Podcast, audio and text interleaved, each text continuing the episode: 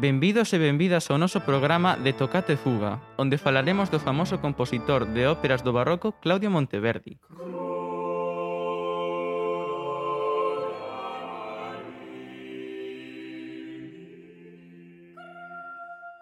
Moitos diredes, quen é Claudio Monteverdi? Pois ben, Claudio Monteverdi naceu en Cremona, Italia, o 15 de maio de 1567. Foi un compositor, violagambista, cantante, director de coro e sacerdote. Compuxo tanto música profana como relixiosa e marcou a transición entre a música do Renacemento e do Barroco.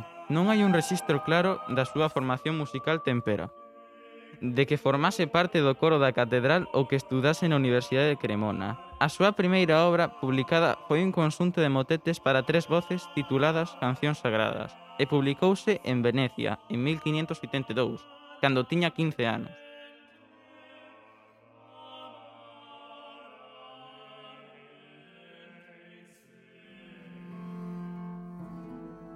Logo desta breve introducción sobre o noso amigo Claudio, agora ímonos adentrar máis na súa vida persoal. A súa familia era humilde e foi o primeiro fillo do boticario Baldassare Monteverdi e a muller deste, Madalena, o irmán de Claudio, Xulio César, tamén foi músico. Tivo outros dous irmáns e dúas irmáns do matrimonio de Baldassare, con Madalena, e do matrimonio posterior do seu pai en 1576.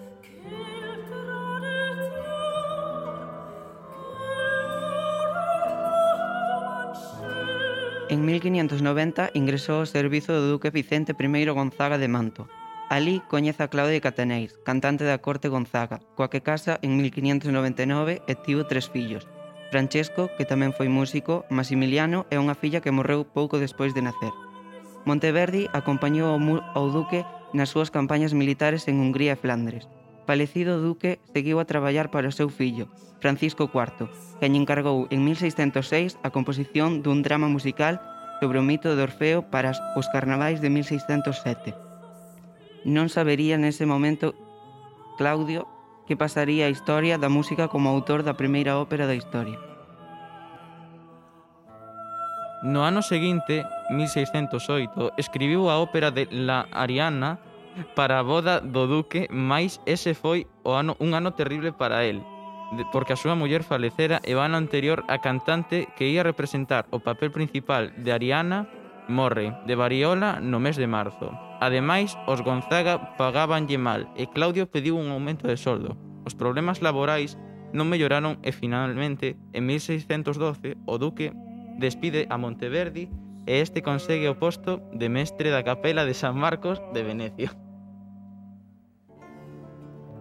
Agora imos falar do que fixo Claudio a partir destes sucesos mentre escoitamos a aria ópera del Orfeo na que precisamente o semideus chora pola morte da súa esposa, Eurídice.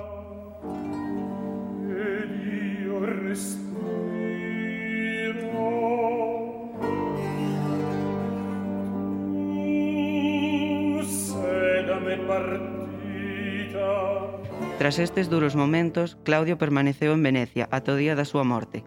Alí mesmo, en Venecia, ordeárase sacerdote en 1630.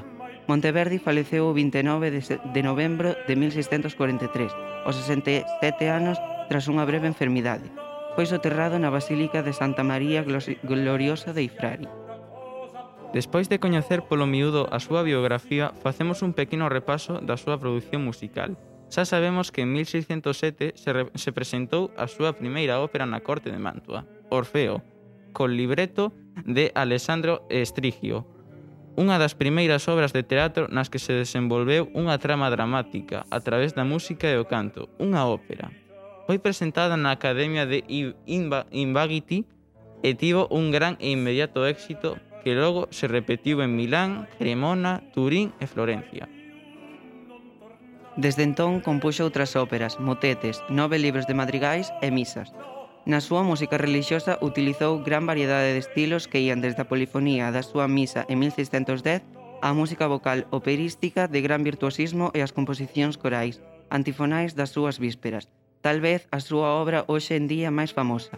En 1637 compuxo unha nova serie de óperas, das cales só coñecemos Il ritorno de Ulisse, In Patria, 1641, e a coroación de Popea, 1642. As súas obras inesquecibles son L'Orfeo, La Ariana e a coroación de Popea.